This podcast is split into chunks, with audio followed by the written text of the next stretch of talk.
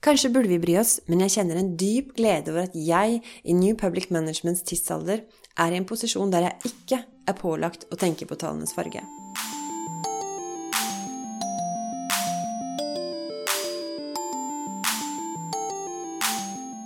Hei, og velkommen til Sykepleiens podkast.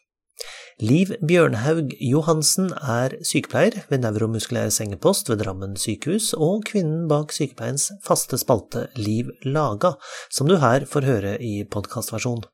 Det er personalmøte, og vi har fått kake av ledelsen. Den utsendte rådgiveren forteller oss at bakgrunnen for kakekjøpet er at etter flere år med røde tall er regnskap og budsjett i balanse, og avdelingens tall er grønne. Å ja, sier vi og forsyner oss marsipankake. I stillheten som oppstår der applausen var forventet å fylle rommet, forsøker rådgiveren å forklare hva det er vi har gjort som har bidratt til denne gunstige økonomiske situasjonen som har rettferdiggjort kakekjøpet. Men applausen uteblir fortsatt. Da skyter fagutviklingssykepleieren inn som en mediator mellom oss hvitkledde og sivilistene fra ledelsen. De bryr seg ikke i det hele tatt, men de er glad i kake, altså. Og det er helt sant, vi bryr oss ikke. Kanskje burde vi bry oss, men jeg kjenner en dyp glede over at jeg, i New Public Managements tidsalder, er i en posisjon der jeg ikke er pålagt å tenke på tallenes farge. For mens legene skal telle DRG-poeng, kode og rapportere, kirurgene skal hanke inn de lønnsomme pasientene, og hjemmesykepleierne må operere med stoppeklokker og pleie etter vedtak, føler vi pleiere på min avdeling oss fortsatt fri til å yte omsorg etter egne faglige vurderinger uten å leke butikkleken eller stå til ansvar for et regneark. New Public Managements styringsprinsipper ble innført for å effektivisere offentlig sektor. Ved å etterligne forholdene i privat sektor tenkte man at driften automatisk ville bli mer kostnadseffektiv.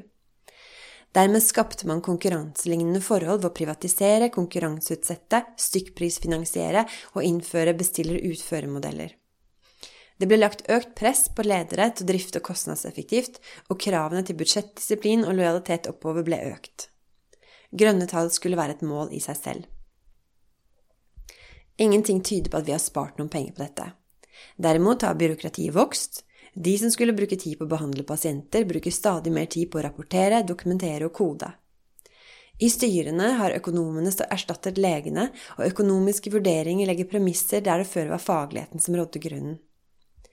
Operasjonsbenkene ryddes for de lønnsomme kneoperasjonene, mens de som kanskje burde ha ligget der, må vente, for vi trenger jo pengene. Alle andre enn økonomene skjønner inderlig vel at vi leker butikk. Å drive helse og omsorg i en velferdsstat kommer aldri til å lønne seg. Det er ingen inntekter. Vi driver ikke et helsevesen for å tjene penger, vi gjør det fordi det er noe vi må. Vi konkurrerer ikke, vi spiser alle fra det samme budsjettet. Det er bare monopolpenger som flyttes fra pult til pult. Vi spiser kaka i ro og mak enn så lenge, men vi skal ikke glemme hvilken verden den kommer fra. For vi forsøker å redde liv og helse styrt av en gjeng som tror de spiller monopol, og det er ikke sikkert vi burde finne oss i det i lengden. Vi burde faktisk bry oss.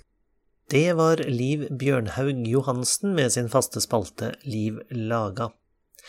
Om du vil høre flere episoder av Sykepleiens podkast, så finner du alle sammen på sykepleien.no, på iTunes og på podbean.com. Om du bruker iTunes, så setter vi pris på en liten anmeldelse eller vurdering, og du kan også sende inn det du måtte ha av kommentarer og innspill til redaksjonen at sykepleien.no. Du når oss også via Sykepleiens Facebook-side eller vår Twitter-konto. Jeg heter Ingvald Bergsagel. Vi høres.